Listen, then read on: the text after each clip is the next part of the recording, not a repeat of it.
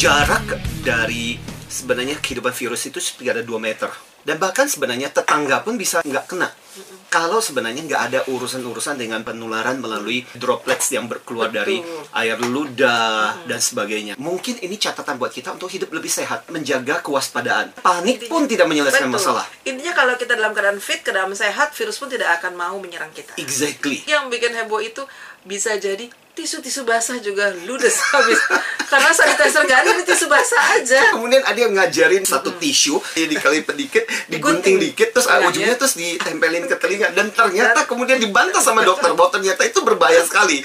Orang nggak kena virus corona, tapi kena paru-paru basah. Desinfektan itu bisa kecil Iya, dan itu berbahaya sekali. Ini ada satu cerita yang menarik, diinspirasikan dari cerita dari Anthony de Mello. Saya modif sedikit. Jadi ceritanya, malaikat pencabut nyawa tampak di depan sebuah gerbang kota. Oke. Seorang tua yang tahu tentang malaikat maut itu kemudian bertanya kepada si malaikat pencabut nyawa ini. Bagaimana nyawa mereka akan dicabut? Berapa nyawa yang akan dicabut? Malaikat kemudian menjawab, akan ada wabah dan 15 yang akan dicabut nyawanya. Dan selama sebulan itu memang terjadi wabah. Sekitar 100 nyawa tercabut saat wabah terjadi. Ketika akhirnya malaikat maut meninggalkan kota itu, ia bertemu lagi dengan si bapak tua tersebut. Kamu berbohong. Bukan 15, tapi ada 100 nyawa yang akhirnya kamu cabut. Lantas si malaikat maut itu berkata, Tidak, yang saya cabut nyawanya lewat wabah itu hanya 15. Lainnya mati karena ketakutan dan kesalahan mereka sendiri. Betul. Ini jadi tantangan buat kita untuk menjelaskan kepada mereka-mereka bahwa please deh, lebih rasional, lebih masuk akal. Karena kalau enggak, dampaknya itu bisa jauh lebih besar daripada wabah itu sendiri. Contoh ketika gempa bumi di Jepang terjadi waktu Fukushima tahun 2011, itu kan reaktor nuklirnya bermasalah. Apa yang terjadi? Yang meninggal dunia ada 1.600 orang. Bukan karena radiasi, konyol nggak? Nggak ada yang meninggal karena radiasi. Meninggal karena apa? Serangan jantung, stres. Maksud saya gini loh, kadang-kadang kepanikan itu justru memperparah situasi. Waspada iya, tapi bukan panik. Mari kita bandingkan dengan SARS. SARS tahun 2003, daya bunuh SARS. Kalau kita lihat catatan medisnya, itu 10%. Jadi misalnya ada 100 penderita, 10 akan meninggal. Tahu daya bunuhnya virus corona? Cuman antara 2 sampai 3%. Itu pun sudah diteliti bahwa mereka-mereka adalah yang satu komplikasi dari penyakit yang lebih berat, dua usianya 80 ke atas. Jadi artinya kalau kamu kondisi sehat, kamu bisa sembuh. Yang harus kita sadari adalah dampak berita negatif itu memang jauh lebih cepat ke otak Iya. kita daripada berita positif. Benar. Jadi ada bagian otak kita namanya amigdala. Ya. Dan itu terjadinya menarik menurut neuroscience. Ketika Anda sudah berusia 25 tahun ke atas, semakin Anda khawatir dengan yang namanya berita-berita negatif. Bagian amigdala ini, coy langsung bunyi, alarm dong. Dan ketika alarm ini berbunyi, amigdala ini akan langsung ngambil informasi di hipokampus. Hipokampus tempat kita menyimpan informasi. Dan yang akan diambil adalah informasi-informasi yang paling gampang negatif. Wih, ada wabah loh. Waktu ketika Jakarta panik dulu, gue sampai nggak dapat makanan loh. Gila, dulu sampai ini lihat nih yang terjadi kalau sampai ini semua. So all this informasi yang negatif tung tung tung itu yang diambil. Jadi please berusahalah imbangi. Ketika Anda mendapatkan informasi yang negatif, perlu juga diimbangi dengan berita-berita positif karena Iya. di dunia ini prinsipnya adalah kamu cari berita apa pun, berita itu pasti tersedia buatmu. Jadi penyebab lainnya traumatis-traumatis atau karena kadang-kadang pers bisa mengambil keuntungan yang hal seperti ini.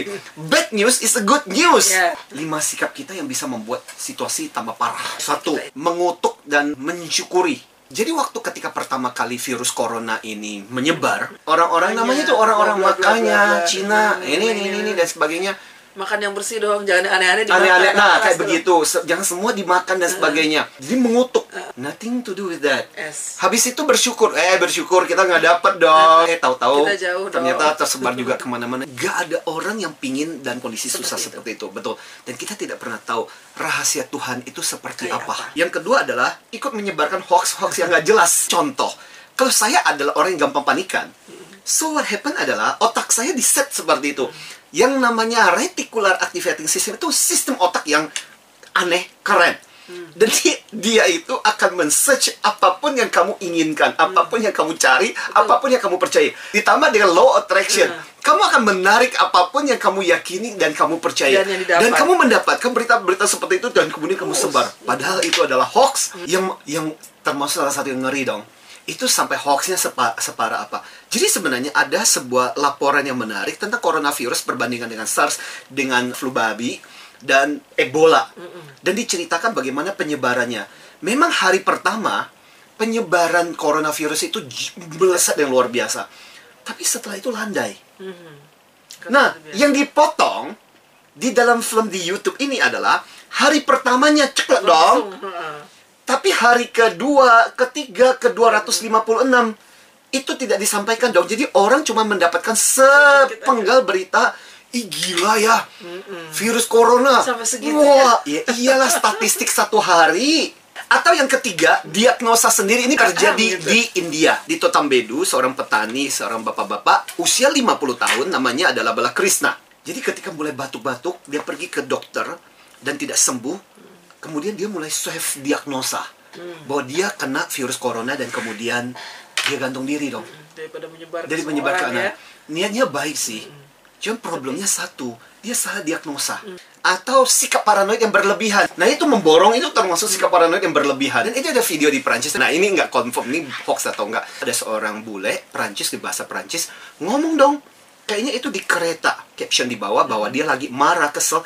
Karena itu ada orang Chinese lagi bawa koper katanya. Dia nggak terlalu senang dengan orang-orang China itu karena dianggap menyebarkan. Saking parnonya. Saya cuma mau bilang, kalau aku seandainya aku berada di Ada situ ya. Mbak, Mbak, kalau Mbak takut dengan itu, mendingan jangan naik kendaraan umum, bawa kendaraan sendiri sendiri aja. saja. Atau ya itu rush, Oh iya. rush kepanikan itu.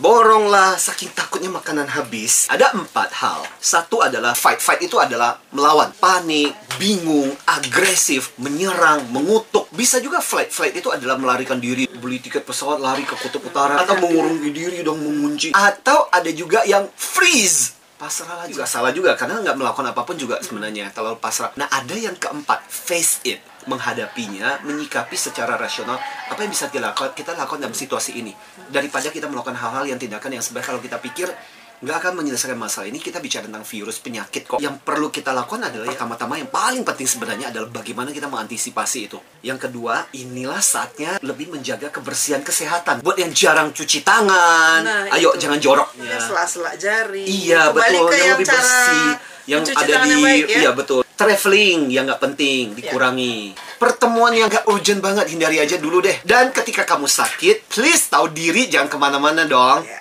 Meskipun mungkin kamu nggak sakit corona sih, tapi ketika kamu menjaga diri, kamu juga melindungi orang-orang yang tidak sakit supaya mereka jangan sampai ketularan.